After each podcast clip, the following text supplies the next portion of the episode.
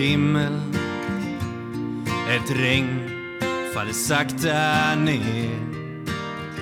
Det får mig att minnas en stad En stad jag lekte i som barn.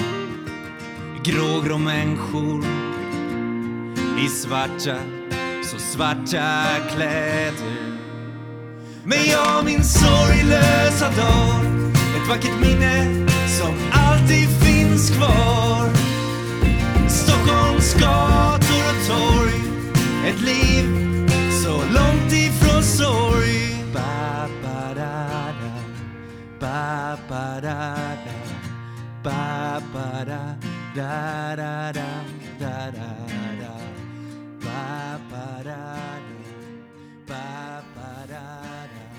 Hej och välkomna till Beroendepodden avsnitt 28. Mitt namn är Anneli. Välkommen hit till er som lyssnar för första gången. Ni undrar säkert vad det är för en podcast. Det är en podcast om alla sorters beroende, missbruk, medberoende och psykisk ohälsa. Eh, välkommen tillbaka till er som lyssnar igen. Eh, tack för alla fina mejl. Jag blir jätteglad när jag förstår att eh, den här podden faktiskt eh, betyder något för andra. Att folk lyssnar. Så Ehm, vem är jag? Eh, jag är nykter alkoholist sedan 8,5 år tillbaka. Jag är en beroende människa och alkohol är min huvuddrog. Eh, ni kan lyssna på avsnitt 1 som handlar om mig. Där får man höra den korta snygga versionen av mitt liv. Men jag har en hel del erfarenhet av psykisk ohälsa. Jag eh, levde med konstant ångest. Jag har varit långtidssjukskriven för depression. Jag har varit utbränd. Jag har levt i destruktiva förhållanden. Eh, jag hade leukemi i tio år. Jag eh, har en lista som jag skulle kunna sitta och rabbla men vi har inte så mycket tid. Eh, men det jag skulle säga är att idag mår jag bra. Och när jag kollar på min egen historia så tycker jag själv att jag är ett mirakel som faktiskt sitter här och mår bra. För jag har varit med om sexuella övergrepp och jag har varit med om män som misshandlar mig och ja men you name it. Been there, done that. Och eh, jag mår bra. Och jag hoppas att jag eh, genom podden kan få andra att förstå att det går att må bra. Även om det kanske inte alltid känns så. Eh, men första steget kan ju vara att be om hjälp. Och det finns hjälp på hemsidan. Under fliken hjälp att få kan man vända sig. Men eh, jag hoppas eh, att jag kan hjälpa. Ni får gärna mejla mig också. Eh, många som har varit med i podden finns där för er som lyssnar. Eh, eller så kanske man bara är nyfiken. Man kanske inte alls har några problem. Eh, men man kanske har en partner som har. Och behöver bara förstå varför han eller hon gör som den gör. Eller så. Så välkommen hit alla ni som lyssnar med problem eller utan problem. Eller bara som är nyfikna som sagt. Eh, stötta podden gör man ju om man vill. Eh, jag blir jätteglad om ni vill det. Jag söker sponsorer också till podden. och Man kan stötta podden på olika sätt. Eh, gå in på hemsidan beroendepodden.com. Där finns det lite hur man gör. Man kan springa Flatenloppet som är ett löplopp som går runt Flatasjön den 16 september. Eh, 5,8 kilometer och man kan välja att gå, jogga eller springa eller krypa. Gör som ni vill. Kom och mingla och ha mysigt för det kommer bli en supermysig dag. Och vi har lite utlottningar, fina priser som man lottar ut på nummerlapparna. Ehm, mm. Jag ska inte prata så mycket mer, men som sagt, eh, mannen jag har med mig i dagens avsnitt, ehm, han... Eh, vi ska prata om beroende och eh, psykisk ohälsa och han är i det nu. Nej, men eh, jag tror att det är dags att släppa in dagens gäst. Stäng ut det andra med musik. Fokusera. Allt på att bli rik. Här finns en dyster atmosfär. Ett liv kretsat kring karriär Men jag min sorglösa dag Ett vackert minne som alltid finns kvar Nu drar jag på inspelningen och hälsar Erik Gabrielsson välkommen hit till podden. Tack. Allt, allting blir mycket svårare liksom, när man säger namn och grejer. När man har suttit i 40 minuter, det var samma sak på radion. Det var jättesvårt. Allt, allting blir runt omkring mellan musiken. Var så här, spela in nu istället. Ja, jo, vi vi har ju suttit och pratat en liten stund här innan. Eh, och så när man sätter på inspelningen då blir, Mm. brukar det bli lite så här. Ja, men eh, du. jag är jätteglad att du är här. Ja, det, är, det känns väldigt roligt också. Och, och liksom, vi pratade om det innan också här med poddar. Jag hade ingen aning om det här podden men jag blev tipsad av en hjärtlig person som är också intresserad av ämnet. Och, Mm. så att, eh, och det är ett intressant ämne. Framförallt Mm. när man står mitt uppe i stormen själv så blir det än mer intressant. Så att, nej, det är roligt. Mm.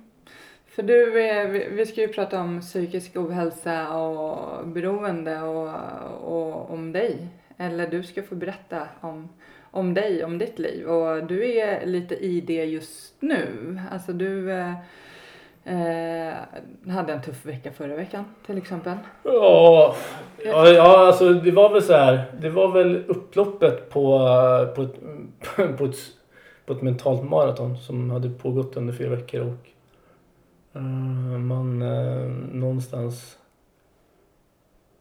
det är alltid tråkigt när man ser liksom folk på en, på en målraka ge upp men det var väl lite så Mm. att eh, energin tog slut och oavsett vad det gäller så är det, tar energin slut så, är så tar den slut. Mm. Eh, och jag är nog mest glad att jag faktiskt insåg att den tog slut. Mm. Eh, så på gott och ont så kan det vara att vissa, vissa saker hände som gjorde liksom att energin verkligen tog slut. Så det är ju jättetråkigt att det ska hända saker som gör att man faktiskt in, kommer till insikt själv. Mm. Eh, men ehm, så är det. Och det är väl nu är det väl liksom så här rehabilitering av det tror jag. Och Mm. den kan nog gå över imorgon och den kan gå över på onsdag. Ingen aning. Mm. Men det är jävligt intressant. Konstigt nog. Men för, du, du ska förbre- vi ska gå tillbaka i, i tiden. Men förra veckan då mådde du så pass dåligt så att du egentligen inte ville leva längre som jag förstod det som. Ja, alltså. Och det där är så här. Man, man kommer in, man söker hjälp och sen så här. Får man fråga nio, nio gånger liksom av tio frågor så får man eh, när man söker den här hjälpen. Eh, är du självmordsbenägen? Och det är så här, nej, jag är faktiskt inte det. För att jag är ju extremt positiv egentligen. Mm. Och det är också schizofrent att man, eh, man är positiv till vad allt ska ge. Eh, men för stunden så ser man inte ett ljus. Eh, och då träffade jag ju, eh, fick en förklaring där också att liksom utåt, utåt så är man inte. Men, men eh, alltså, någon form av apatisk epilepsi, någon sån här korsning av, alltså jag såg ju inte ens själv meningen med att söka hjälp. Till exempel. Eh, Så jag var där en gång och sen så eh, tackade jag nej till hjälpen. Eh, Och sen så var jag ute och gick i tre, fyra timmar och totalt irrade bort mig. Mm. Och vad är det för hjälp de erbjuder då? När, när, när man mår så dåligt så att man... Ja men det var väl någon form av inläggning och, och det är så här, när man, eh, alltså luften hade totalt gått ur en så hade det ju spelat, alltså för mig spelade det ingen roll vilken hjälp de hade erbjudit. De hade kunnat ge mig tre veckor i Thailand hade jag, liksom, jag hade fortfarande inte tackat ja till för att jag såg inte syftet eller meningen. Men, men fortfarande, så, är man ju- fortfarande så hade jag inte ens en tanke liksom, på att man man, alltså det fanns inga så här utåtagerande tankar på att ta sitt liv. För, för ehm, det, det är helt fegt tror jag. Men ehm, som man fick förklarat det så finns det olika faser i ens hjärna som man kanske inte alltid kan påverka. Eh, och det var just den här menlösheten som, som, som de var oro, oro, oroliga för och det var väl också liksom den till slut jag såg också. Uh, tror inte jag åt på typ sju eller åtta dagar eller någonting. Mm. Så här, Men alltså, ja, det, det är nog svårt att beskriva men som sagt, alltså inget sådär Inget utåtagerande och liksom eh, men uh, trött som fan blev jag och uh, det med spontanitet kan vara bra ibland. Mm. Ja, ibland så kanske det är mindre bra. Och jag, vet, jag vet inte om det var bra eller, eller negativt så. Det positiva kanske var att det var spontant och man man kanske tog den hjälpen som, som, eh, som kom. Men eh, ja, jag vet inte. Mm. Men bara att eh, erkänna att man har ett problem och vända sig till någon annan är ju ett sätt att få hjälp även om man Mm. kanske inte tar det som, som erbjuds. Exakt. Kan Vi, visst är det så. Eh, det, det, är- det är absolut. Eh, men, men ja, det, det är jätteklurigt och, och man sitter där liksom själv i, i ett kalt rum och man får förklara en sak när man ringer in. Man får förklara en sak för en för någon sjuksköterska eller undersköterska eller vad det är och sen så kommer läkaren in och man ska berätta samma sak och just det där med att hela tiden repetera för att Mm alla vill nog höra sin egen alltså alla vill nog få bilda sin uppfattning men, men när man var tillbaka veckan efter och man var tvungen att liksom dra samma historia igen och dessutom så ska man då dra en historia som har hänt den sista veckan. Eh, och där tror jag nog faktiskt att har man varit där en gång, jag tror inte att jag kommer söka jag tror inte att jag kommer söka hjälpen eh, faktiskt nästa gång det händer. Utan eh, då kommer nog Förhoppningsvis så, så ska det inte hända igen men, men det blir någonstans där att ja, fan jag mår inte bra liksom. Alltså varför, varför alltså det blir någonstans att, att, att så många som möjligt ska veta och då ska man då göra en analys tillsammans trots att det är den här tystnadsplikten och, och grejer och, och, och nej, jag vet inte. Mm. Alltså så fan springer du ett maraton och någon frågar är du trött efteråt? Mm. Och så kommer fem personer. Alltså det är väl så här. Man står väl och flåsar av en anledning kan jag tycka. Eh, Ja, lite så. Men när, vi, när du säger inte må bra, är det mycket ångest då eller är det, vad är det för Ja, alltså känsla, vad är det för tankar? framförallt så är det väl ångesten och här, man har väl alltid tror jag sedan gymnasietiden där så har man alltid haft någon form av prestationsångest och, och många former av ångest. Nu har jag ju faktiskt sista året så har jag ju det, framförallt det med prestationsångest, det här här med egna mål och grejer. Ehm, Förut så kan man ju, förut så satte man upp ett mål och sen så klarade man det målet på två timmar kanske oavsett vad det gäller arbete eller vad som helst. Men då ska man höja ribban ännu mer och till, till slut så höjer man ribban så pass högt så att det, det, är, liksom, det, det är inte nåbart att nå. Mm. Eh, och den biten har, är, har vi faktiskt släppt rätt mycket. Eh, är fantastiskt duktig på att laga mat. Det vågar jag faktiskt erkänna efter ett år av, av inligt tjatande. Men, men, eh, men alltså bara en sån grej. Alltså, man, svårt att bjuda människor på, på mat. Och, alltså laga mat åt folk. För att oavsett om de tycker att det är gott så, så är ens egna krav Mm. och, och då är det också betydligt lättare att det blir fel oavsett om det blir fel just på maten eller om det blir någonting annat. Men, men det finns nog många former av, av ångest tror jag. Mm. Eh, men eh, ja, ångest och sen så är det framförallt nu när man börjar den här utredningen och eller, ja, samtalen och man Ja, för du har börjat på en diagnosutredning nu. Ja, precis. Eh, så att eh, gå på beroendenheten och och jag hade väl egentligen inte så jättestora mål. Man insåg efter man hade läst att det, liksom, det kommer inte gå på en handvändning. Men Nej, det är lite väntetid och Ja. mycket. så att eh, och det är ju lustigt att det liksom är sopslut på psykologer. Ja. Eh, men så är det ju tydligen överallt. Sen vet jag inte om alla jobbar privat eller har ingen aning. men Mm. Men det, alltså det problemet visste jag om. Men, men jag hade som ingen aning liksom att det var de, alltså den enorma tiden. Eh, samtidigt så finns det andra saker. Det är, det, är liksom, det är inte ett hörn som ska sopas utan det är rätt många hörn som ska faktiskt putsas upp. Och, så att det finns ju fortfarande mycket att jobba med. Och allt, allt det man gör nu, alla samtalen, det är väl också en form av förberedelse så att allting ska gå så smidigt som möjligt sen. Eh, men det är en enorm lättnad att man, ma- att man är där. Sen Mm. att jag inte kanske har sett det sista tre veckorna, tre, fyra veckorna så har man liksom inte sett det och, ställ, ställt in två sådana här möten liksom just på grund av att risken och rädslan att man ska tryckas ner ännu mer. eh, att man ska börja må ännu sämre av ett sånt här möte. Mm. Eh, och i mitt fall så tror jag nog att för stunden så var det nog bra men ehm, långsiktigt så är det nog inte bra.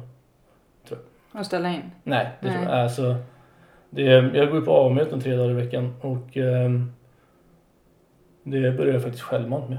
Mm. Det var ingen ifrån vården som, eh, som påpekade det. Och det ehm, jag, jag, jag vet inte, personligen så har jag väl haft en bild av hur ett A-möte går till och, vilka människor som är där. Men det som fick mig att stanna kvar och faktiskt orka och vilja gå tillbaka. eh, Det är att man ser att alla är vanliga människor. Ja, definitivt. Ja. Och någon gång har man liksom stött på någon bekant eller någon man känner men, men fortfarande så är det så här att det, det som sägs och det som är där, det stannar där också. Och den befrielsen, jag har inga problem att prata om saker men, men jag förstår att folk vågar. Eh, att man gör det. Mm. Men eh, det visar också hur, hur stora problem det finns. För att det är inte liksom de här gubbarna som sitter liksom i, på bänken ute och, och somnar i solen utan det är, problemet är så mycket större än så. Men man, man kanske också måste våga erkänna. Mm. Eh, och, så att eh, och oavsett, vad man pratar om på ett sånt möte så, så upplever jag att ja, det, är, det är en befrielse att man får utlopp eh, och, och man får utlopp till människor som, som sitter på något vis så, så, sitter, så sitter vi i samma båt. Mm. Börjar vi dricka så har vi antingen slåt, slu, svårt att, att sluta alltså för kvällen eller att man kanske har svårt att slu, sluta på längden. Mm. Eh, mitt bekymmer är, ju, det är ju det här hetsandet. Eh, det här med att jag vet själv att jag, jag kan inte ens jag kan inte ta två pilsner på puben liksom. Alltså det är, ja, men alltså det är, det är rent krasst så är det så. Mm. Eh, Vad händer när du gör det? Om, Nej, du, om, alltså- du, om du tänker så här att du ska gå ut en kväll och ta en öl. Tänker du så överhuvudtaget? Så tänkte aldrig jag nämligen. Jag bara vadå en öl? Det finns inget som heter en öl. Men jag tänker en del försöker ju intala sig själv att de kan ta en. Jo, men det är ju det är, det är någon falsk förhoppning av att man, man försöker in, in, införtal, eller in, intala sig själv. Eh, I mitt fall så vet jag att det går inte. Nej, vad händer? Hur ser en sån kväll ut om du går ut och tar en öl? Nej, men alltså jobba 8 till 5. Eh, går man hem och går ut med hämtar hundarna och går ut och sen så Ibland kan det faktiskt vara så här att man, nu har jag haft hundarna på dagis ett tag så att, eh, men eh, då kan det vara så att man har ringt så sagt okej jag hämtar dem en halvtimme senare. Ja, så har man hunnit gått och tagit en pils och sen så har man sprungit hem med hundarna och sen så har man gått ner igen och samma liksom bekantskaper och allting sitter. Eh, sådär. Och sen så börjar klockan bli sju, halv åtta, åtta och sen så blir det så här. Eh, ja, man tar väl en till. Alltså, jag kan tycka så här att alla som går ut, alla normala människor, man får uttrycka ordet normalt, eller alla människor som kan hantera saker utan att det blir mani. Mm. Men att sätta sig på Medborgarplatsen en solig juli eftermiddag efter jobbet klockan fem eller sex. Eh, det är ju det är bland det, alltså det är nog bland det finaste man kan göra tycker jag i alla fall. Eller sätta sig på Söder överhuvudtaget. Men jag är också imponerad över att när klockan blir åtta och det här vackra solen har gått ner och det börjar på bli kallt och filten hjälper inte. Att man går hem då. Eh, den... Eh, det filtret tar inte jag. Nej. Utan det är snarare så här att du... ehm, eh, nu håller vi på, vi har liksom städat och allting och så här, jaha. Ja, ja, ja, men då får väl gå hem och sen så klockan, man skulle väl gå hem åtta sen så har man liksom suttit fram till elva liksom. Och, så att nej, den, den insikten har jag nog haft väldigt länge men sen har jag nog inte tagit vara på den. Eh, och det var väl också därför jag, jag var nykter här för ett år sedan i 165 eller om det var 163 dagar. Mm. Och då var det midsommar, min egna 30-års eh, och sen så var det ett 40-årskalas. Eh, och sen var det en helt fantastisk sommar med massa grillning och ligga och sola och grejer. Och det var otroligt skönt att, för det är en tuff period, sommaren är Sommaren är svår. Ja. det är extremt Inte- svårt. Och, och framförallt så är det så här. Alltså, I sommar skulle jag nog inte kunna klara av och, och jag, har bott många år i Stockholm också men är det någonting det sista ett år, alltså sen jag flyttade därifrån så, så saknar jag Söder och Medis och allting jättemycket. Men samtidigt så är det så här att jag kan bli väldigt äcklad av, av det också. Om det är, alltså är det jättebra väder ute och, och sådär, då kan jag bli så här, fan vad skönt att jag flyttar för nu sitter jag inte där liksom. Mm. För att det är, det är en energiboost i sig. Eh, Att bra väder och, och, och trevligt sällskap, då, då är det faktiskt lätt att liksom Snubbla tillbaka. Ja, extremt lätt. Och man, man, man känner sig någonstans, ja men det är så här, vi har ju så dålig sommar i Sverige så att, ja men vadå, det kan komma regn nästa vecka och då börjar man med det här jävla ursäktandet igen och det ju det här ursäktandet och förnekelsen, det är ju det som det är en stor morot till allting tror jag. Mm. Men jag tänker om vi backar bandet. När, hur, hur såg det ut när du var barn? Hur, eh, när började du ta till alkohol och när började du känna ångest? Och, ja, du sa ju det att det var redan i... Men... Eh, Alltså, jag vet inte, men någonstans, jag var ju väldigt aktiv. Jag höll på med hockeyn extremt länge tills jag var 18 ungefär tror jag. Men sen så blev det så här att man, än en gång, man, eh, man får nya intressen och jag flyttade ner till en eh, friskola och bodde själv och, och man kanske tyckte att man var vuxen nog för det men, eh, men så kanske inte var. Eh, Men någonstans där eh, mitten på tredje året på gymnasiet, det var väl då jag verkligen kände så att fan det, är- det har gått ifrån liksom skoj till att ha alla de här festerna och allt det här roandet med studentboende och allting till, till att så nej det här är fan inte roligt längre. Mm. och sen eh, så, att, så att det var väl då, vad, vad blir det, 11 år sedan. Mm. Eh, och sen så tror jag inte att ett bero, beroende liksom, det växer ju successivt hela tiden och det är olika faser och, med allting. Men, men rent krasst så var det väl någonstans där. Och eh, sen så har väl jag haft en bra undanflykt. Alltså, från att jag tagit studenten så har jag alltid haft ett jobb och jag har alltid trivs och, och jobba och liksom en arbetsplats för mig har liksom varit en frizon att, att, att koppla av och känna att jag någonstans ursäktar mig för mitt beteende jag har. Alltså Mm. någonstans så blir det så att det är ingen annan som betalar för, för, för, mitt, för mitt drickande utan det får jag, jag göra själv. Eh, och jag tror den delen tror jag har varit jätteviktig. Arbete och framförallt så jag älskar jag att arbeta. Oavsett vad jag håller på med så tycker jag att jobb är fantastiskt roligt och det är stimulerande. Men, men det är någonstans eh, nu när man har suttit med det här och, och liksom gått in i väggen en gång och nu fick man tillbaka magsåren för ett par veckor sedan och det är så här, försöker man jobba bort sakerna istället och, och då blir man trött och man hamnar i destruktivitet och sen så klipper man, stänger man den ena dörren och man stänger det andra fönstret och sen så sitter man där i den där lilla trånga glasburen eh, där ingenting egentligen är värt. Eh, faktiskt.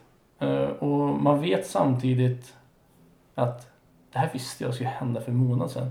Men varför har man inte gjort någonting annat? Och det är ju också någonstans det är en falsk trygghet. Men eh, så att eh, ja, men vad tror du det är som eh, jag har gjort så att du mår dåligt? Alltså, ko- uppkom det bara eller var det... Jag vet, alltså det finns nog många parametrar men jag är så här. Det, det finns alltid saker i ens liv som har påverkat och varit bidragande. Men eh, det är fortfarande jag som har gjort det.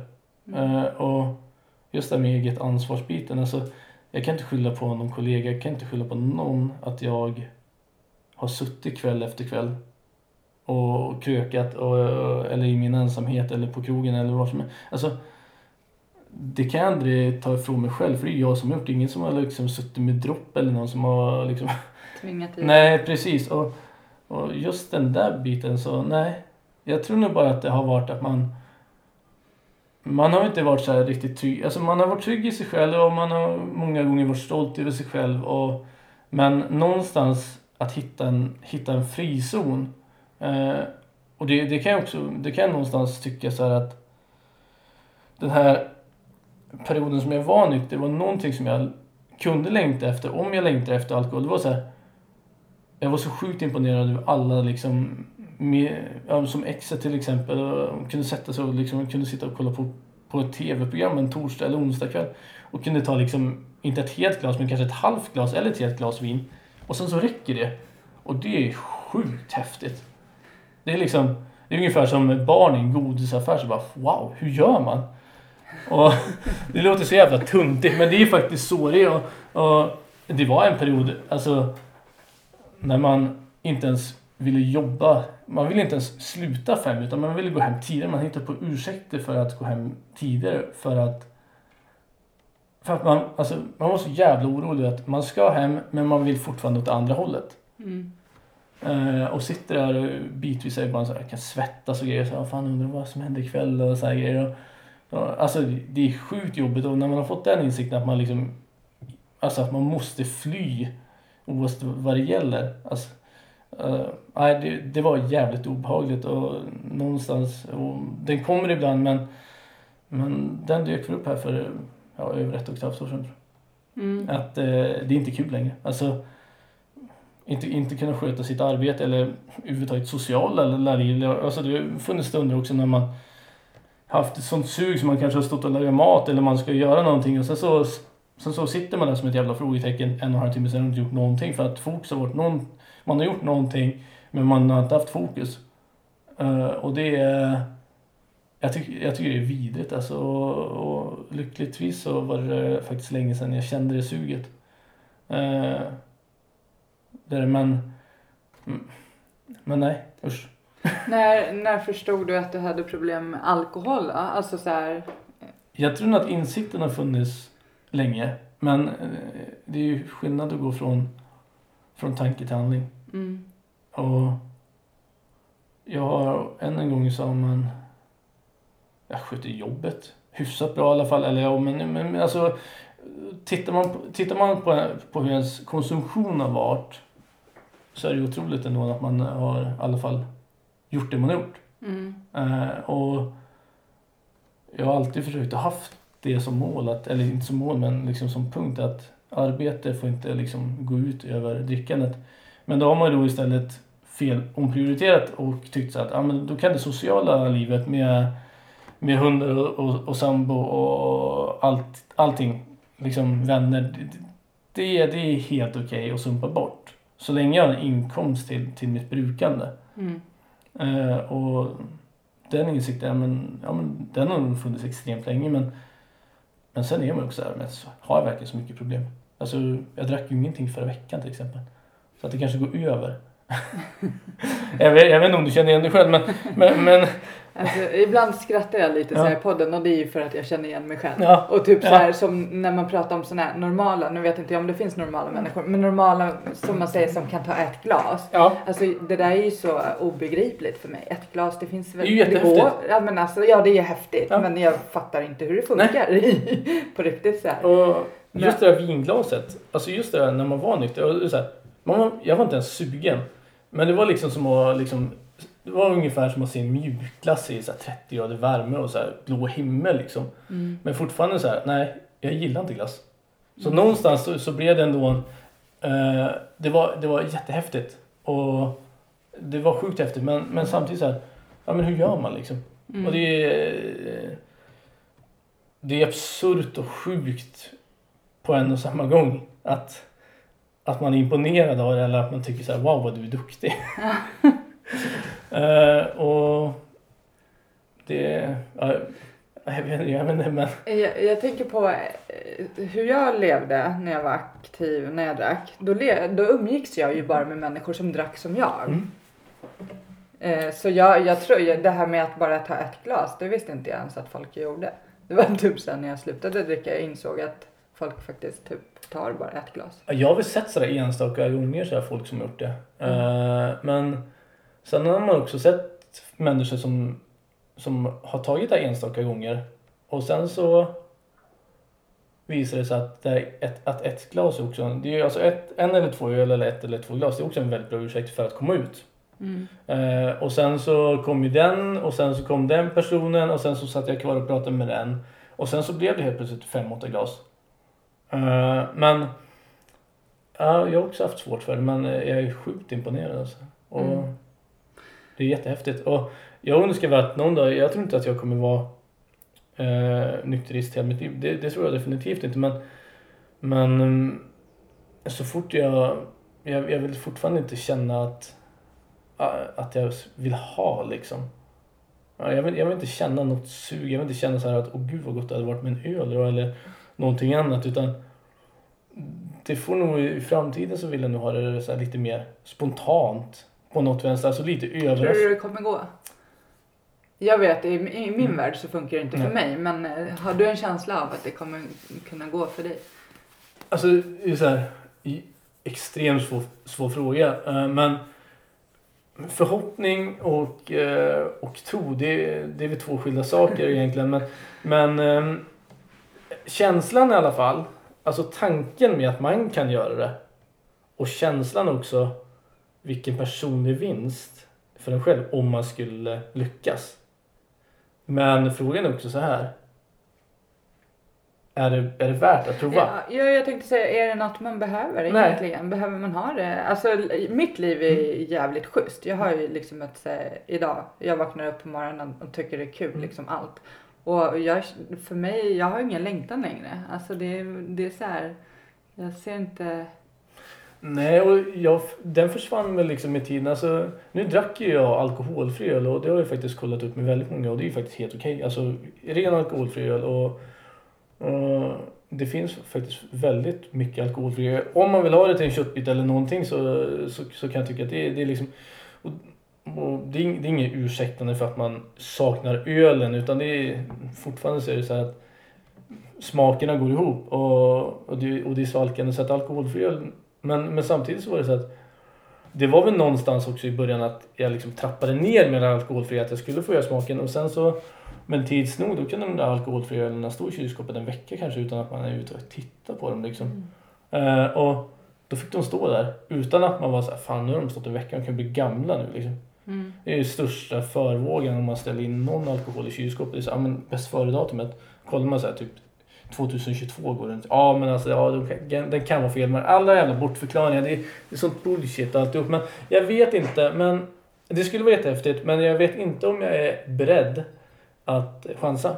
Och eh, Du får ta det då. Eller du, är- vad ska man säga? Ja. Du märker i framtiden Ja, jag händer. tror, alltså för mig så är det, liksom, det, är, det är inte ens en tidsram med på kanske tre år. Eh, det är det inte. Och framförallt så är det så här, när man, när man då, alltså, när man får ångest, jag vet inte om du själv upplever det, men som jag sa det här med innan man slutar jobbet och sådana grejer.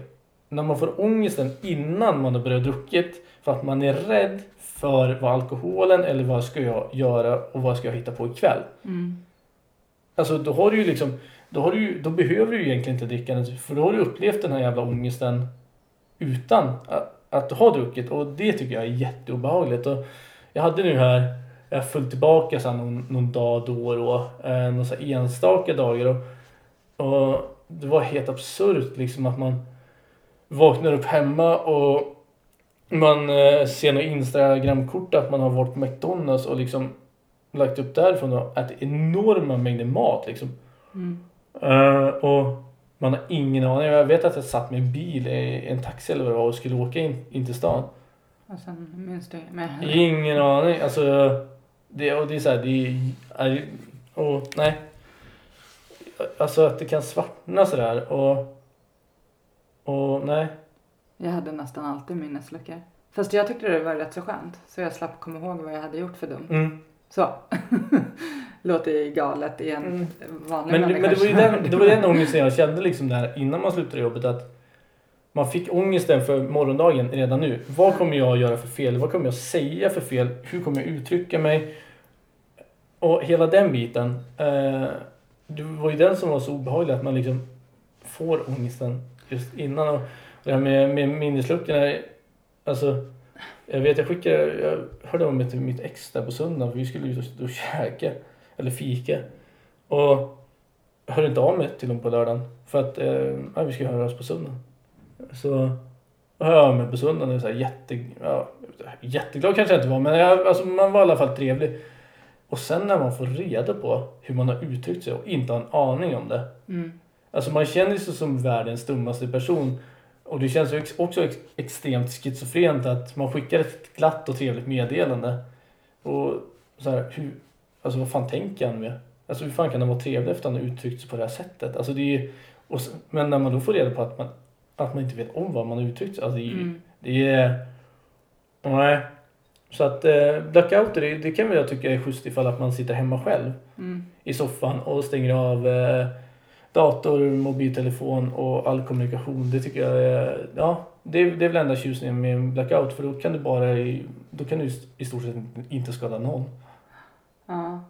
Jag är glad att Facebook inte fanns på den tiden jag drack. Men jag tänker på ångest och alkohol. För att jag använde ju alkohol för att bli av med min ångest. Mm. Men sen efter x antal år så funkar det ju inte. Nej. Alltså alkoholen tog ju inte längre bort Nej. min ångest och då började jag ta lite eh, starkare grejer Mm. än alkohol.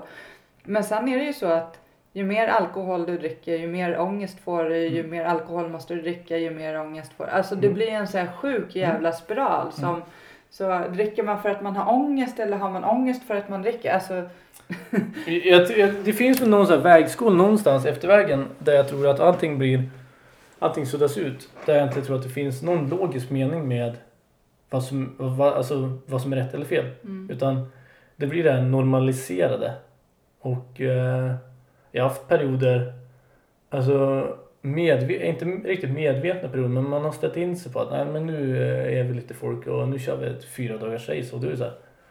Eh, och det är också rätt, det är ju rätt absurt att man liksom självmant stänger in sig själv i fyra dagar och man gör ingenting annat förutom att man man kanske har lite trevligt så här sinsemellan men samtidigt så jävla trevligt är det att vakna upp och lukta svett och gå ner och duscha och sen så liksom ligger folk och sover. Så, alltså, eh, men, men sen jag, jag tror anledningen till mitt stora bekymmer med, med mitt drickande det är, att, eh, det är att jag har druckit väldigt mycket själv. Mm. Eh, det tror jag.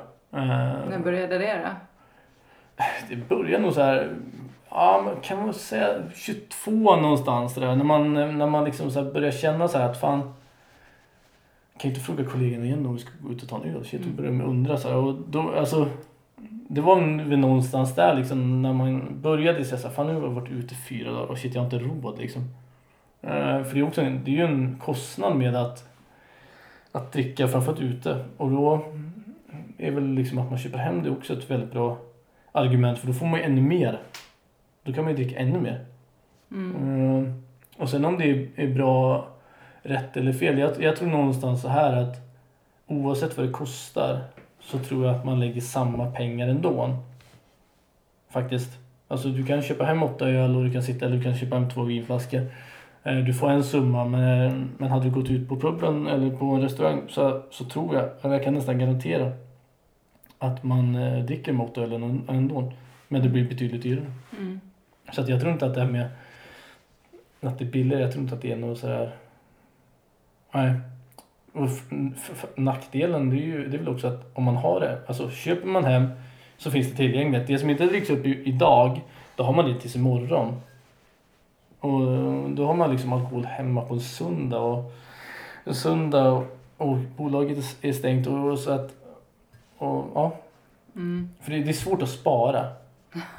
Det är jättesvårt att spara för att det kan försvinna. Psykiskt och mentalt så kan det faktiskt försvinna. Ja, bara hur, hur det går till, Ja, det, det vet vi inte. Nej Det är bara precis, nej, så. här, jag brukar skylla på chihuahuan ibland men jag har insett liksom att det är så här. Nej, nej det funkar inte att skylla på dem heller och det går inte att skylla på någon heller. Eh, utan, eh, men det är svårt. Men, eh, men sen så någonstans så insåg du att du kanske hade problem med alkohol och ville göra en förändring med det. Mm. Eh, Var, var det någon som sa till dig att du hade problem eller var det bara du själv som insåg det? Eller? Ja, sagt och sagt. Alltså man, man har väl så här under årens lopp så har man väl insett att man kanske har och man har väl fått, fått hö, höra så här lite teaser och så här lite så här inte anonyma men så här mildare form av pikar liksom. Eh, men alla som har ett form av beroende Mm. eh, tror jag har väldigt svårt att det är extremt svårt att erkänna sina fel och brister. Tror jag. Eh, och det gäller oavsett vad. Och, men, eh, men eh, alltså för fyra, år- det, fyra, tre, fyra, ja, det är närmare fyra år sedan så eh, levde jag, jag levde i en destruktiv relation. Eh, jag jobbade dygnet runt. Jag tog på mig ännu, ännu mer jobb för att jag hade, trots att jag hade mycket jobb. Mm. Men det var för att min levnadssituation var att jag ville inte ens vara där. Eh, det gav mig ingenting utan det tog bara. Relationen? Ja. Mm. Eh, och allt vad det... Eh, allt det slutade med att man står idag liksom eh, skuldsatt upp över öronen för att man har varit så... Man har liksom varit... Man har kompenserat för att man har varit borta och jobbat mycket och sen har man kompenserat för att man har druckit den lediga tiden eller när, när, när tid har getts. Eh, och då försöker man då kompensera upp det på något annat sätt och i det här fallet så var det ekonomi och, och så är det ju. Alltså, är man inte klar i huvudet då, eh, då, då börjar det ju liksom. Eh, och, eh, så att drickandet i sig har ju alltid varit en tröst för mig. Eh, men här blev det liksom att jag ville ur, ur, ur, på något vis så ville jag ur det här extremt tidigt. Och, och nu när man har suttit och liksom fått distans till det här med alla samtalen och grejer så, så har man liksom en bild att jag bestämde mig innan det blev någonting att nej, det kommer aldrig funka. Men eh, ändå så, så var man liksom där, fan, man kan, ah, ja, vi provar väl. Men samtidigt så var man liksom hela, man visste hela tiden att det är fel. Det är inte det här jag vill. Eh, och det är inte så här jag vill ha det. Eh, och sen när det blir pengar inblandat så, räkn, så lever man ju någonstans med det här hoppet att ja men jag stannar kvar så att jag kanske kan få tillbaka lite. Alltså, alltså det blir en ond spiral allting. Och, så att det var väl där för tre, fyra år sedan. Eh, som, eh, som var extremt utlösande faktorn. I samma veva så, så gick jag också in i väggen. Mm, för att du jobbade? Ja, alltså det var väl nog både jobbet och psykisk ohälsa och allting liksom. Och, och det, det är också så här man kommer hem och man, man orkar knappt man orkar inte ens klappa hundar eller kommunicera med Mm. hundar utan man, man levde nästan över ett år så, så var det någon form av som, zombiebeteende och, och till slut så så uh, orkade jag inte och, och det var väl det var jävligt skönt att man gick in i väggen. Uh, jag tyckte att det var extremt skönt. Men um, sen har man ju också så här problemet att när jag började känna mig bättre efter en två, tre månader. Uh, Men blev du sjukskriven då? Ja. ja. Mm. Ehm, jag satt närmare två veckor och bara tittade in i en vägg. Uh, alltså, och sen så...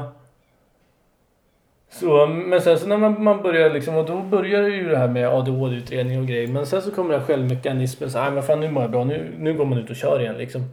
Uh, och istället för att man tog den här chansen att man an, vågade stanna upp och andas och, och tänka till. Mm. Eh, Men det har väl också med prestation att göra och man, man vill inte visa sig eh, svag. För, för svaghet är ju... Alltså det är ju det...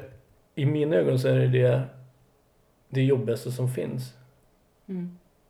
Och det är... Och då... Nej. Och sen, sen så är det så här. Ja men om jag nu börjar må bättre. Nu har jag mått så här under två, tre månader. Men om jag mår bättre. Då kommer jag må sämre av att bara gå hemma. Det var också en, en grej. Så här, jag måste ju jobba för att jobbet är ju liksom min drivkraft till att inte dricka. Samtidigt som arbetet har varit en stor del av mitt drickande. Med prestationsångesten och allting. Men någonstans så är det också att man insåg också så här. När man efter det här, under den här perioden som man var sjukskriven att jobba jobbade många år, många år som heltid som hockeytränare och så här, vad fan håller jag på med? Jag kan inte, alltså det, det är ju så sjukt och, men däremot, jag har liksom aldrig varit jag har aldrig varit alkoholpåverkad någon gång under jag när jag har haft liksom barn i aktivitet eller någonting så, så har jag liksom aldrig varit alkoholpåverkad. Uh, och för att det, det, jag satt och klurade på det innan vi skulle prata om det och det är, så här, det är ett rätt känsligt ämne men, men jag har aldrig liksom orsakat någonting i mitt... Uh, andra yrkesutövare som har som har varit bakfull ett par gånger och många, många gånger full men, men just det där, uh, nej aldrig. Och, men, men det är jävligt schizofrent att man står och barn är glada och föräldrarna är oftast glada. Eh, och eh, de tycker att man är trevlig ibland och så grejer och ja, man har roligt och allting och sen så När, när, liksom, när man har stängt ner hallen och, och, och går hem liksom. Alltså det är ju alltså, det är, det är, det är så barockt och det är ju bara sinnessjukt att, att man liksom... Jag tror inte att det är så många som faktiskt... Eh, sista åren så var det några som, som hade aningar men, eh, men eh, fortfarande så vill man ju inte tro det tror jag. Mm. Jag, jag har jättesvårt att, att, att storklassificera folk i att man är alkoholist eller man eh, någonting annat för det är, det är extremt känsligt. Men, men det var så jävla falskt att man, man dels så ljög man för sig själv men sen så, så blev det så jävla ångest. Alltså, Det är alltså, det är ju så som jag är när jag umgås med de här. Eh, det är ju den glädjen och det är ju så jag hela tiden vill vara. Men det går inte. Och så kände du tills du gick därifrån. Ja, precis. Och, och liksom, fan vad härligt det är. Liksom full av energi och allting. Mm. Och sen så började det och jag tog ett... Eh, efter sjukskrivningen där så, så flyttade jag utifrån hon som jag levde med då och fick tag på en lägenhet mitt på Kungsholmen. En liten etta men... Eh, och det var också så här, fan massa restauranger och grejer. Men den som var jättebra bra och sen så ville jag vara ifrån hockeyn rätt länge. För att jag, jag kände att jag, jag kan liksom inte fortsätta med det här dubbellivet. Alltså antingen så Antingen så blir jag nykterist och, och slutar dricka på en gång och fortsätter, fortsätter med, med det som jag brinner och tycker är roligt för. Men eh, jag tog ett beslut att jag inte kan jag kan inte hålla på och, och, och kröka och, och, och den biten för att det, det blir så konstigt. Eh, det är som föräldrar som säger till sina barn så här får du inte göra. Sen så står mamma och pappa och gör exakt samma sak som man då har sagt till barnen. Mm. Eh, och det var den, det var det som tog mest illa vid mig. Eh, men än en gång så tror jag inte många, alltså barnen har ju inte märkt av det men det blir för en själv liksom när man ändå får en relation med de här oavsett ålder så blir det att man, man får en kontakt och eh, det känns väldigt elakt mot dem. Alltså jag tror att jag ska ha väldigt svårt att att berätta öga till öga oavsett om, eh, om de här är 22 eller om de är 12. Alltså förstår det handlar inte om ålder men jag, det är nog ett av de största dilemmana jag har och som jag skulle kunna erkänna. Men, men ehm, så fick jag, stack jag ner till, eh, jag bytte kust och åkte ner till västkusten och sen så det var rätt skönt att komma från Stockholm. Mm. Vad skulle du göra där då? Nej, jag fick en nytta. Jag hade ju lovat mig själv att jag inte skulle ta något tränarjobb förrän jag hade bestämt mig om jag skulle Mm. fortsätta dricka eller inte. Men... eh, Och det, och det, är liksom, det funkar ett par veckor och sen så hade vi första bortamatchen. eh, Och så satt vi där i bussen och sen på bussresan hem. Då tog jag ett definitivt beslut att det här kan inte jag göra. Jag kan, alltså det går inte. Alltså, alltså ljuga för sig själv. Och visst, man, man, kan vara vilket jävla yrke som helst och vara, alkohol, vara alkoholist. Det är väl så. Men, men för mig så kändes det inte rätt. Jag kände att jag kan inte ge det som jag vill ge. På grund av att jag inte lever som jag, som jag vill egentligen göra. Mm. Eh, så att där tackade jag för mig. Eh, och jag tror att det varit väldigt skönt också att varit två och ett halvt, två år någonstans ifrån uh, allting. Och slippa det här med resor och sena kvällar och, men, och allting. Uh, det var jätteskönt. Och sen så hamnade jag på ett bananskal i Borås. Mm. Eh, och Borås är väl sådär...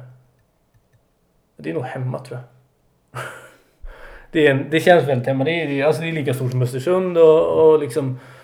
Ja, kulturutbudet och allting. Nu har ju båda, nu har ju båda liksom städerna ett allsvenskt fotbollslag och så att, så att det, det var väl inte så första året jag bodde men nu är allting utjämnat liksom.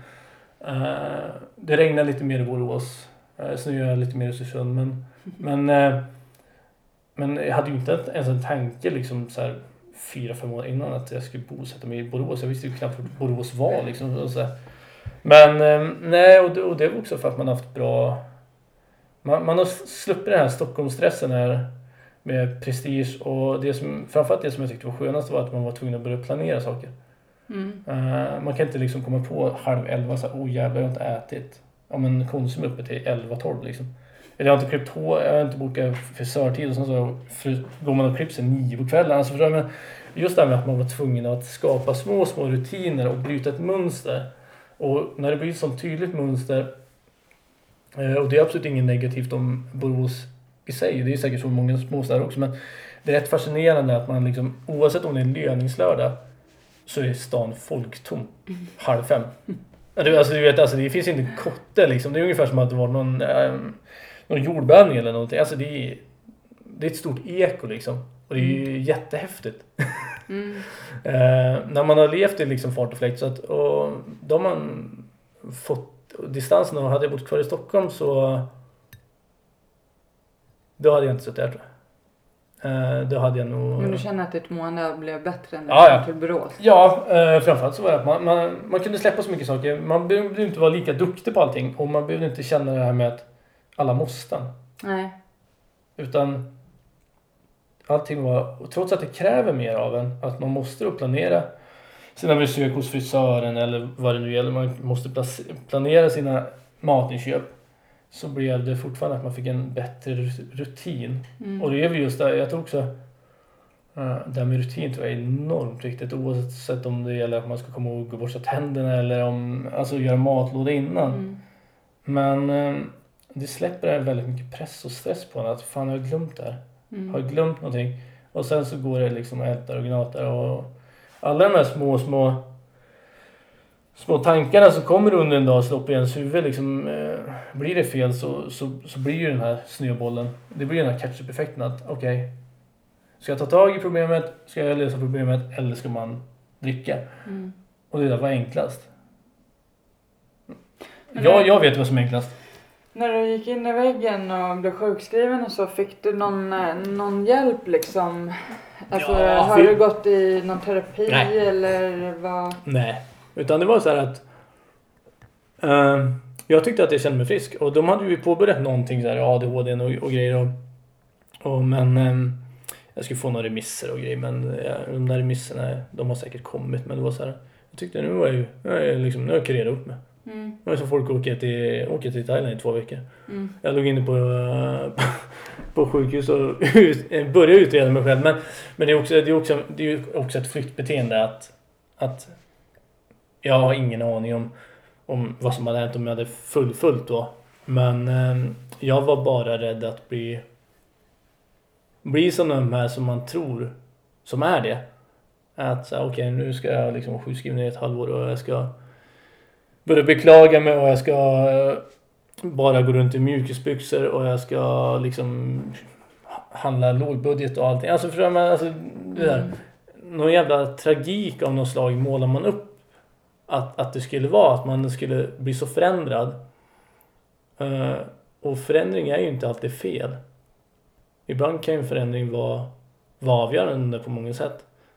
Men det, det, allting, allting handlar liksom om, om insikt tror jag. Och förståelse. Och en stor del till att till att det har gått så bra som det har gjort här nere. Det är också för att här har man träffat Alltså man har haft bra människor vart man än har varit. Så har man, alltså jag var i Wien ett år och, och jobbade som, som tränare och jag besöker Wien fortfarande.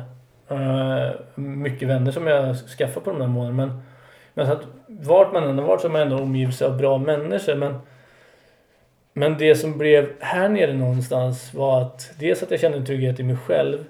eh, men sen också så blev det nog att man fick ett självförtroende för att man blev sedd på ett annat sätt. Alltså, eh, jag tror att det blir mer personligt och inte så ytligt som det är, som det är väldigt lätt i en större stad. Mm.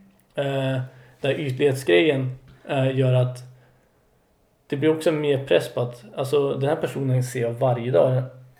Alltså i Borås då, sitter man på en pub, men alltså då, det är inte så många som går in liksom och då blir det att då blir man igenkänd mycket Mm. lättare än att du sätter på en du kan sätta dig på samma krog i 60 dagar i rad.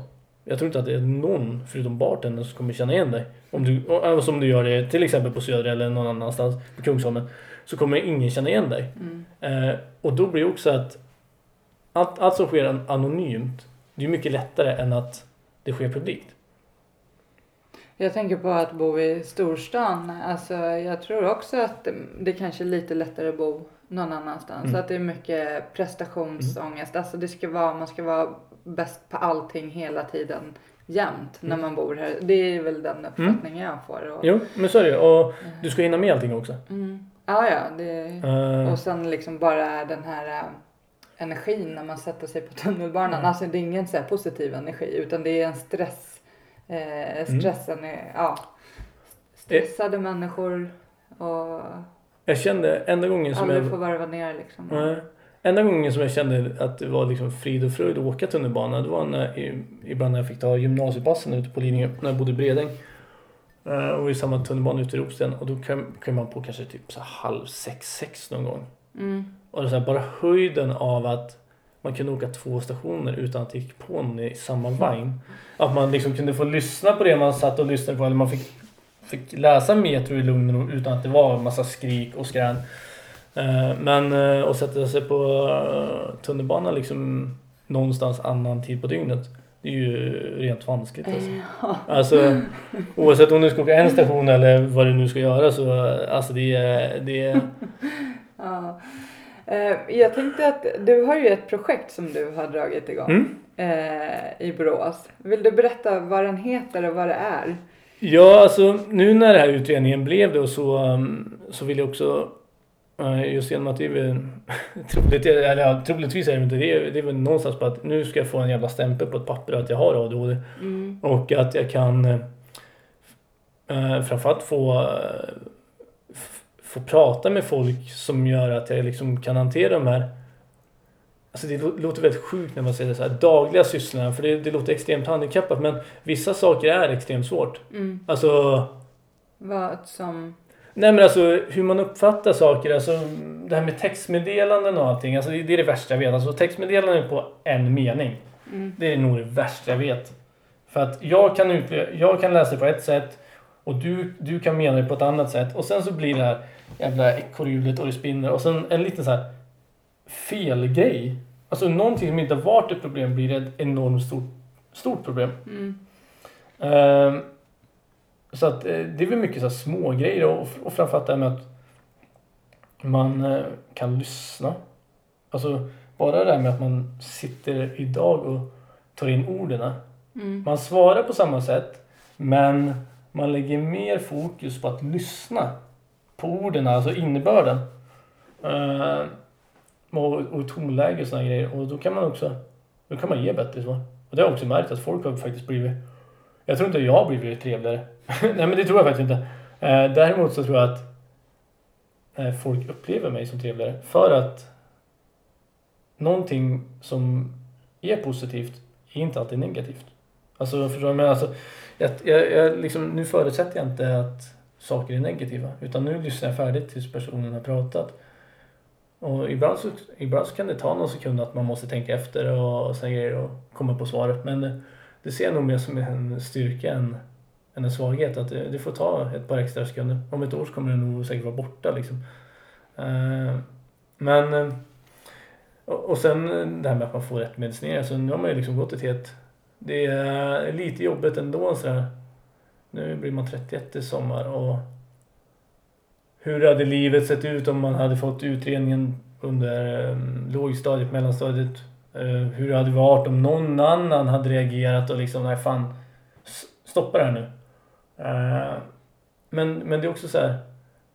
jag- Men har du haft en känsla av att, det, att du har varit annorlunda Ja, ja. under ja men hela livet? tiden. Alltså, det, det, är bara, det är bara när man sitter och... Det kan vara en sån banal grej med att man sitter vid ett fikabord och man sitter och lyssnar och är med, Mm. men man hör ingenting. Mm. Mm. Alltså det är helt sjukt. Man hör bara, alltså man hör exakt, men det, det går inte in. Det går inte att suga in.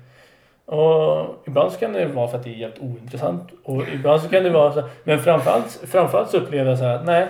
Jag känner mig inte, jag känner mig inte så här. Det är inte att jag inte känner mig önskvärd i diskussionen i sig, men så här. Nej, jag, jag säger nog fel. Nej, jag ska nog inte flika in här. För att då kommer jag säga fel sak. För att jag inte lyssnar på det här samtalet. Eh, så den känslan har absolut alltid funnits där. Och, och den har man ju då försökt att kompensera upp på andra sätt. Till exempel det här med att, att man alltid ställer upp för folk och, och, och, och såna här grejer. Och, så att man, man har... Så jo, det, det har varit jobbigt. Eh, och, Har du känt att du har försökt vara någon du inte är eller? Alltså spela en roll? Ja, på sätt, jo, på sätt och vis. Eh, men på sätt och vis ändå inte, eh, tror jag. Eh, det har väl liksom varit att man, ja, man har bara känt okej. okej. man sitter där vid det här bordet och säger, "Nej, men det där är inte, det där är ingenting för mig att lyssna på liksom. Eller de har inte ens tilltalat mig och att- att jag ska vara med och då så här, kan man bara sitta fyra personer och prata med men man känner sig fortfarande inte delaktig.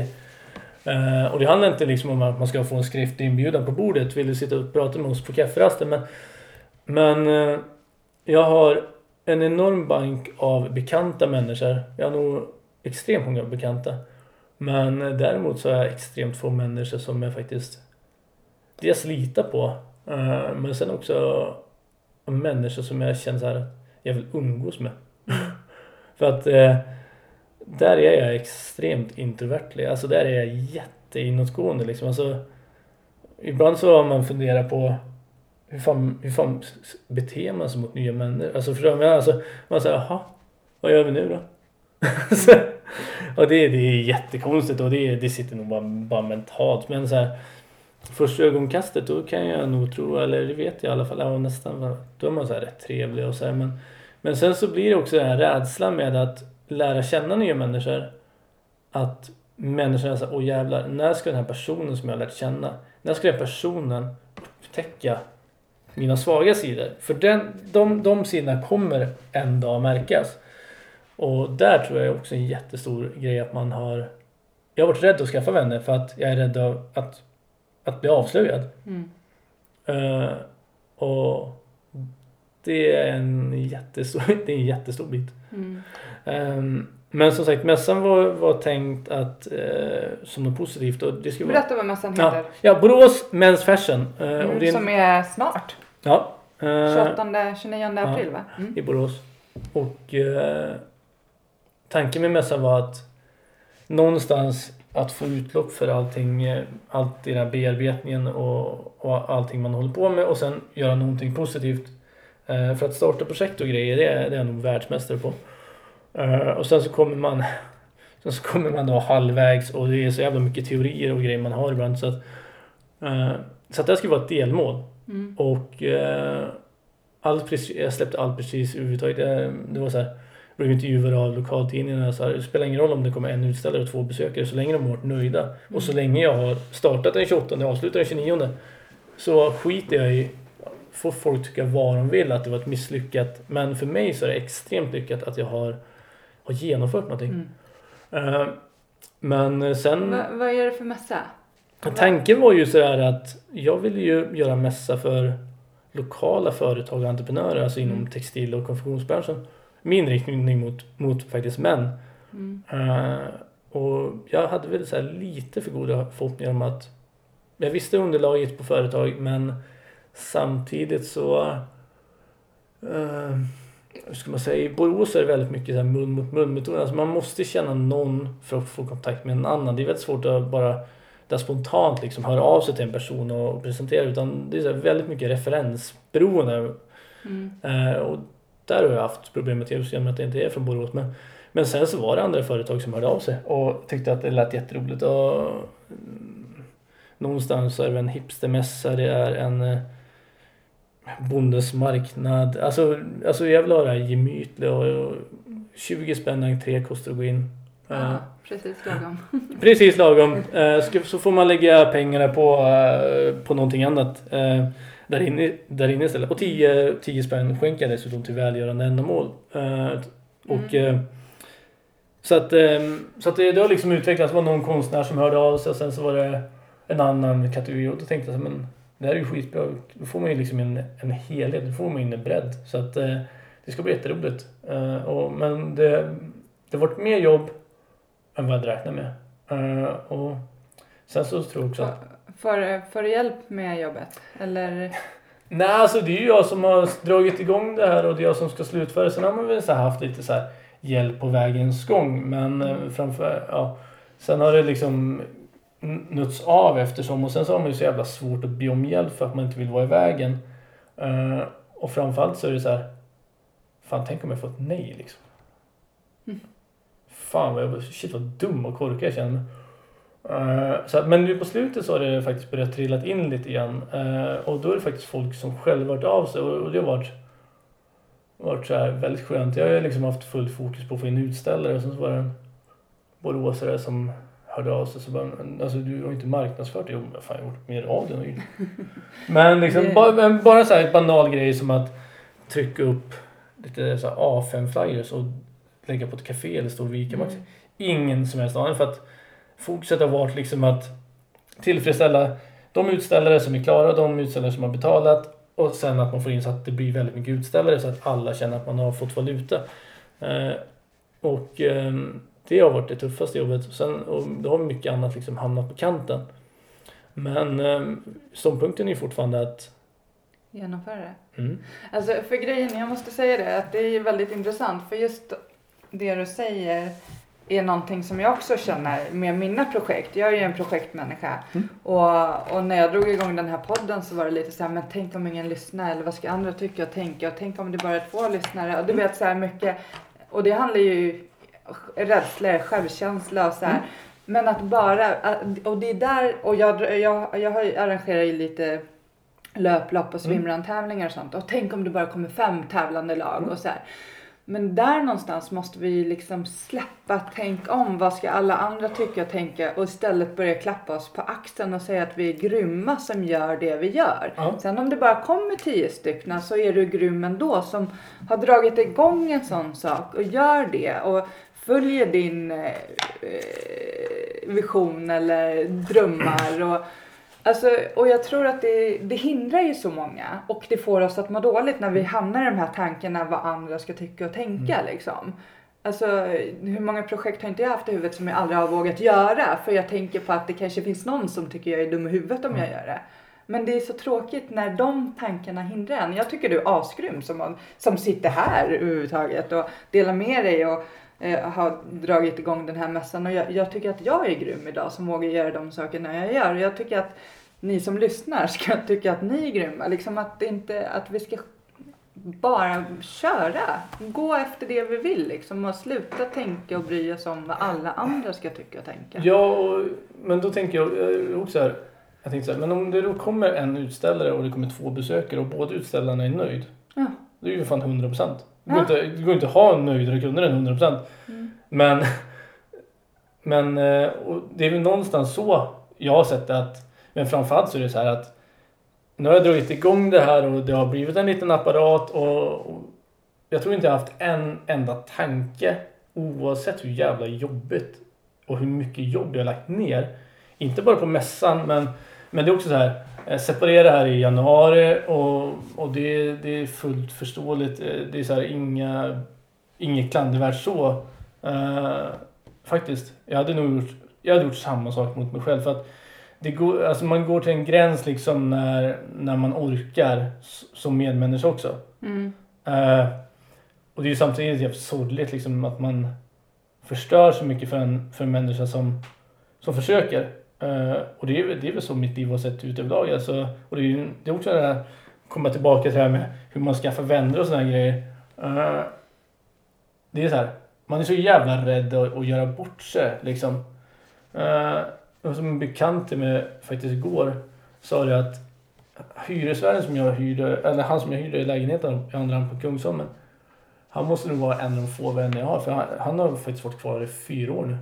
Mm. Jag har aldrig träffat han utan vi har lite mailkontakt, han har haft lite hjälp med hyresgäster och sådana grejer. Och Så här, jag har aldrig pratat med henne, någon gång i telefon men, men det sätter också lite perspektiv liksom. Att rädslan med att, man, att folk ska se vem man egentligen är.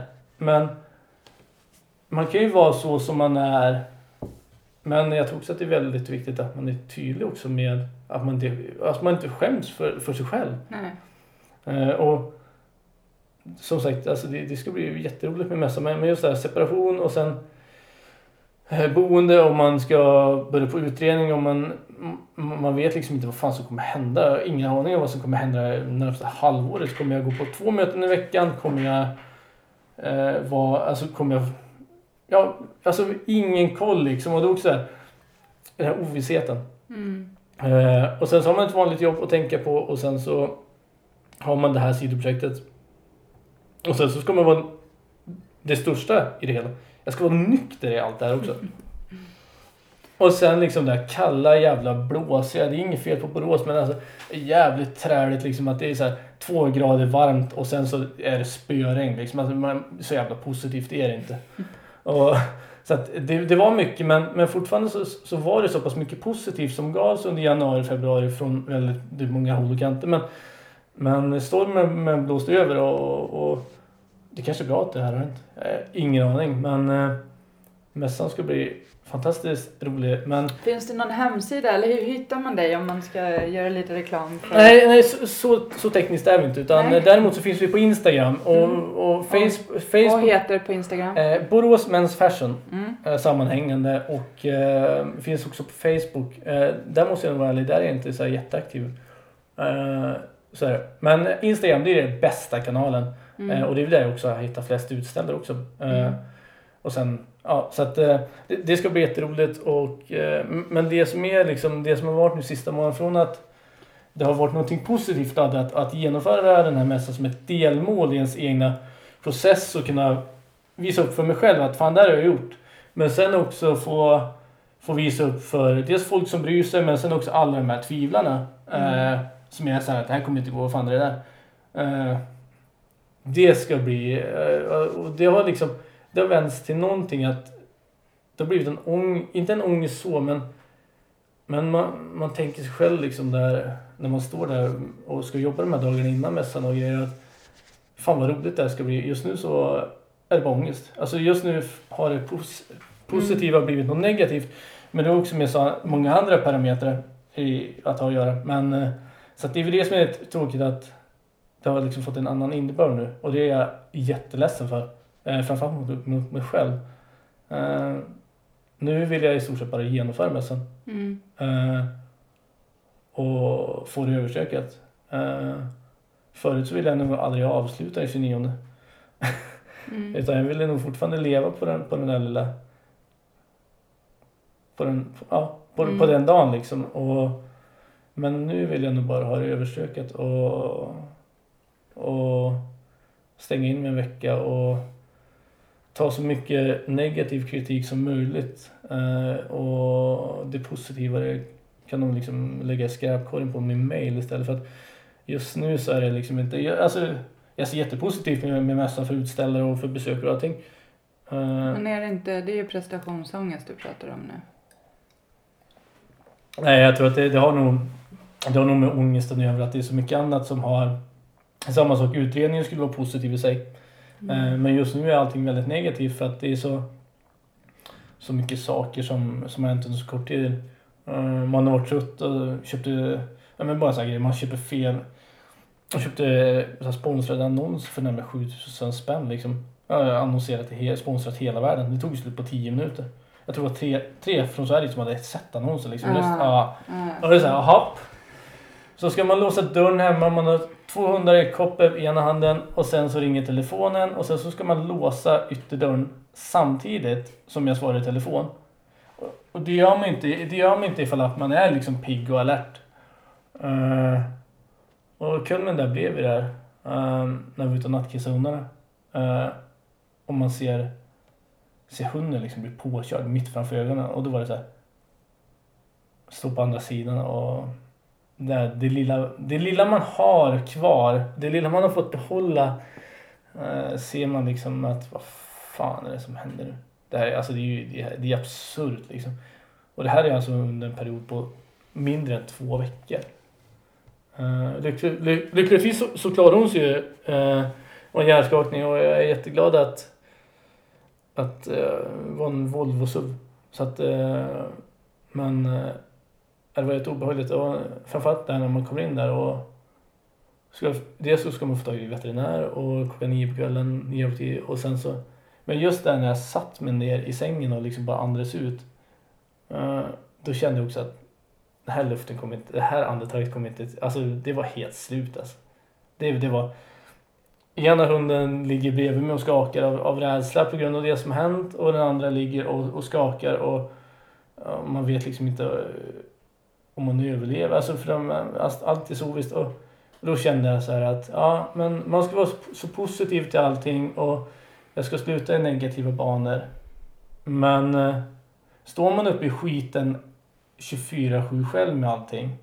Det är jävligt tufft alltså att springa emot vind alltså hela tiden. Eh, och det handlar inte om att man ska få bekräftelse från människor men det hade inte med det att göra. Eh, men ehm, men ja, jag vet inte. Alltså, det blev för mycket på ens axlar och då hade jag flyttat igen och ja, det, det, blev, alltså, det blev alldeles för mycket. Jag hade slutat med medicineringen i samma vän, i vändor här också tror jag. Och, så att eh, ensam är stark men, men ibland så måste man fan få en liten ruska, eh, ibland så måste man få en liten skjuts liksom. Och, och det är inte fel att få en skjuts och och det kan vara det kan vara så enkla grejer liksom så, så det som hände som häromdagen liksom att man fick de här tipsen och råden.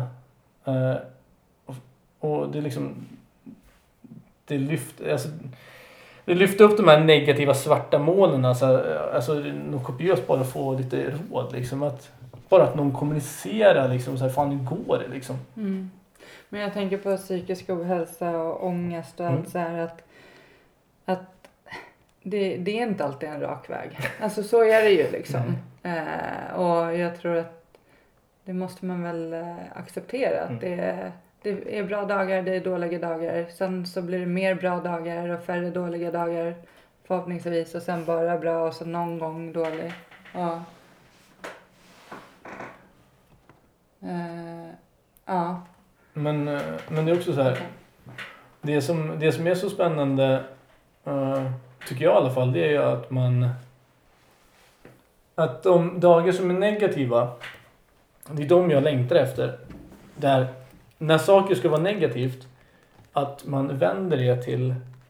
Att istället för att det blir en storm, så blir det bara en kastvind. Alltså att man kan hantera den biten, eh, de här negativa bitarna. Och mycket av mi, mitt pro, mina problem eh, bygger ju på att jag är så jävla rädd och vad, precis som du sa innan här med vad folk ska tycka och tänka om en. Eh, och det är ju ingenting man tänker på men, men alltså istället för att man säger så här, nej men alltså jag orkar inte, idag orkar inte jag. Jag är jättesugen på till exempel att gå ut och ta den men jag orkar inte. Eh, och då blir det så här, fan, fan jag kan följa med han, fan det var ingen annan som följde med liksom. Men att man är ärlig mot, ärlig mot sig själv. Och det är så många små lugner eh, som man har dragits med. Alltså, det kan vara allt ifrån att liksom så här, man har tagit medicin, alltså så här, att man ljuger om att man har tagit sin medicin för att de har glömt att tagit medicinen. Eh, och då får man då frågan, får man en fråga, en, en, så här, en artighetsfråga egentligen, har du tagit medicinen? Och istället för att man säger så här, nej det har jag faktiskt glömt. Då blir det så här, nej jag har tagit den. För att man inte vill göra den andra personen besviken. Och, och det, är, det är så jävla jobbigt. Alltså det är så sjukt frustrerande när man kommer på sig själv hela tiden. För att oavsett, säger man nej en gång, det är alltså personen, den andra personen blir liksom, alltså man blir inte halshuggen för utan jag tror att det, det finns nog mer förståelse. Att, så att det blir det här små, små, små, små liksom bollar blir en gigantisk boll till slut. Och då kör man på till, tills man hela tiden går in i kaklet och då exploderar man. Mm. Och det... Vad har du fått för råd och tips då? Har du några verktyg att ta till när du, när du svajar? Nej, alltså, jag är, tyvärr jag är inte där än. Nej. Alltså just det här med, just det med att kunna erkänna för mig själv. Mm. Eh, och det är ju samma sak åt andra hållet. Mm. Alltså, man... Eh, den här relationen som, som jag hade här nästan under ett års tid. Eh, det var ju också så här. Aldrig träffat en människa som har lyft upp de positiva sakerna. Men samtidigt kunnat konfrontera att det här är inte okej. Eh, och det var jävligt jobbigt i början att få mothugg. Men, eh, men det visar också på väldigt mycket omtanke. Mm. Tycker jag i alla fall. Eh, och så på det här året så, har man lärt sig otroligt mycket bara, bara genom att man har blivit sedd och hörd. Att om man har inte känt sig så här som vid det här fikabordet, man har inte känt sig så här annorlunda utan man, man har känt en, inte tillbörighet, men, men nej. Ordet normal. Alltså sen får alla tycka att ordet normal, vad är normalt? Jag tycker att jag är jättenormal som, som har de bekymren jag har. Men, men normalt som är normalt då. Det, ja, Mm. så vill jag kunna ha det liksom. Och det är väl så, det är väl så jag eh, har upplevt det också. Eh, sen har man då varit i den här rädslan att fan, jag, för, alltså, jag är ju alkoholiserad och jag är skuldsatt och uh, jag har ingen utbildning och grejer så här. Så här jag, jag är inte förtjänt av att ha det bra med tanke på, på det jag har gjort och så många broar som jag har bränt. Varför ska jag få det bra nu för liksom? Alltså varför, alltså tyck inte positivt om mig. För att det finns, alltså man, man går in och grottar sig i den här egna negativa spiralen och det är ju så.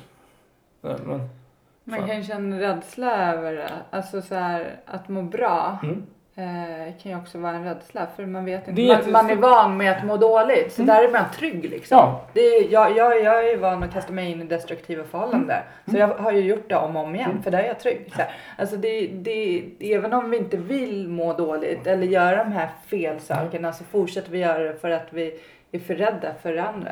Ja. Och någonstans är det så här. Eller att man inte tycker att man är värd det. Ja, jag tror, jag tror nog det är så här lite kombo. Alltså, alltså jag har inte varit van det. Mm. Jag har inte varit van att, att, att bli uppskattad på det viset eller att...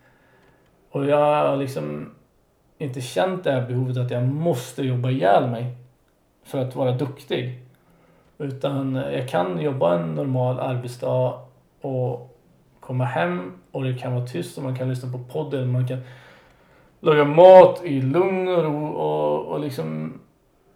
Ja, men... Eh, så det, det är nog en väldigt bra kombo. Och sen så är det så här, rädslan också för att när man ska bli avslöjad.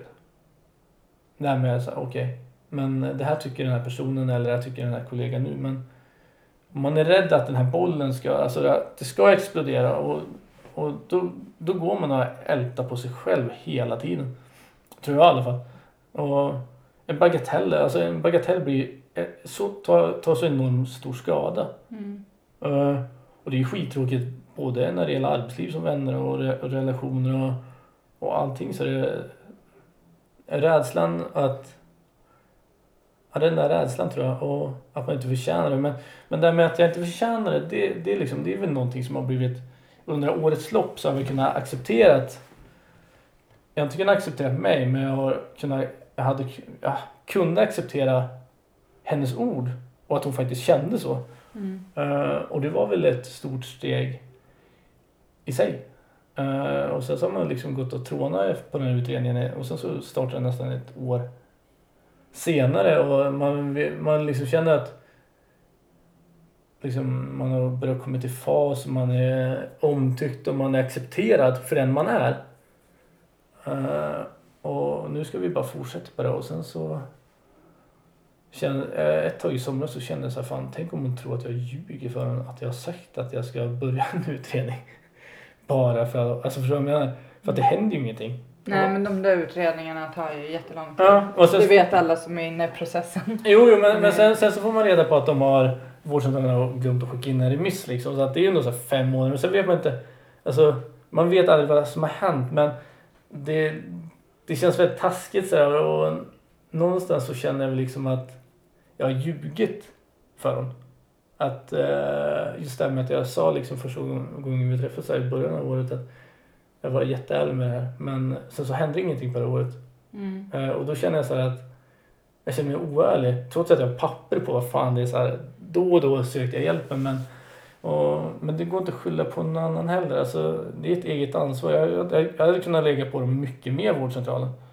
Ja, men ibland kanske man inte orkar det heller. Nej, alltså Nej. om man mår dåligt. Mm. Det är liksom det, eh, ofta hamnar det hos individen att Mm. du ska veta vilken hjälp du ska söka och du ska söka den och du ska göra det och det är där det blir mycket fel också liksom. Så. Du, jag, vi ska avsluta. Eh, innan vi avslutar, är det något du känner att du vill säga? Nej. Nej. Nej. Det blir så här, man har suttit här. Ja, du, vi har Nej, suttit men- och pratat ett tag. Men Ja. du, jag är jätteglad att du kom. Mm. Eh, och lycka till med mässan och med utredningen och med allt. Mm. Eh, och så ses vi förhoppningsvis igen. Det gör vi. Och en sak. Ja. Eh, Livlinan. Eh, jättebra organisation eh, för ökat eh, kunskap om psykisk ohälsa. Och psykiskt, alltså psykiskt ohälsa, det är inget farligt. Eh, vi, någonstans så tror jag nästan att varje person har det i någon form. Men, men man kan heller inte ducka för det. eh, som medmänniska, som kollega eller ingenting. Eh, jag tror att man skulle må mycket, mycket bättre av någonting än ingenting.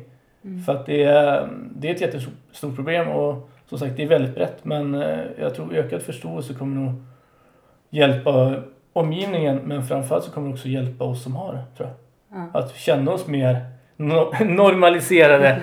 Eh, Så att, ja. Och det är dit eh, en del av pengarna går Ja. från eh, mässan. Mm. Eh, entrén där, 50% av entrén går till livlinan så det, är, det är 10 spänn. Men, Mm. men, men många bäckar små. Eh, och jag hoppas också att lite företag faktiskt kan, kan haka på och, och faktiskt sponsra. Framförallt inte, inte till mässan men att man faktiskt går in och sponsrar rakt upp och ner Mm. till, till det. För att eh, det, kunskapen måste ökas och både när det gäller arbetsgivare och fritidsledare till eh, idrotts, ja, idrottsledare. Allting, allting, alla, alla vi måste ja, få en bättre förståelse. Mm. Och det, Absolut. Mm. Tack för att du kom och delade med dig. tack. Tack.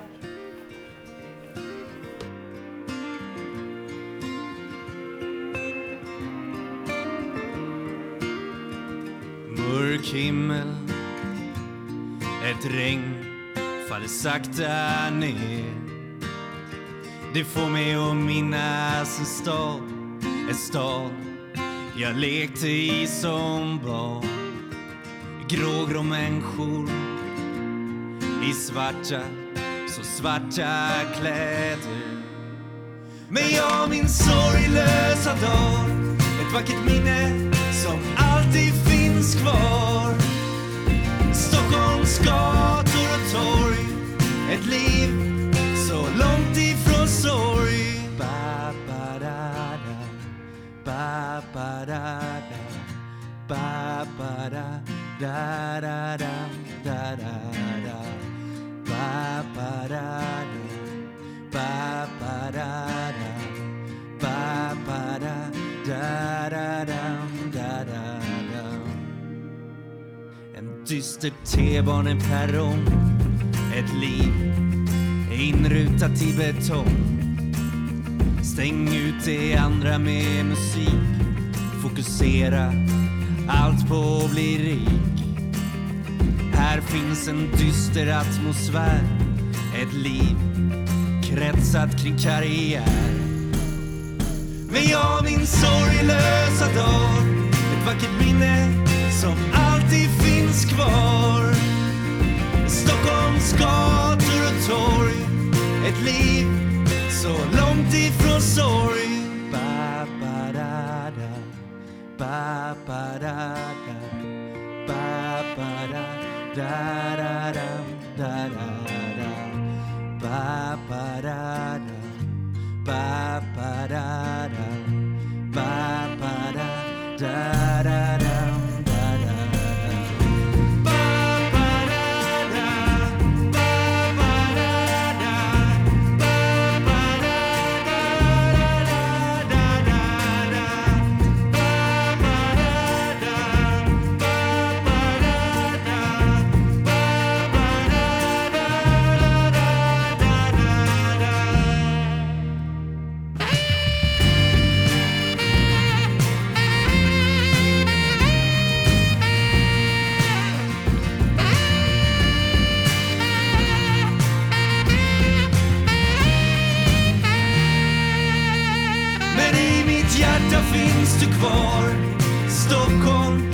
mina drömmars dag Ja, i mitt hjärta finns du kvar? Stockholm, jag är ditt barn. Stockholm, jag är ditt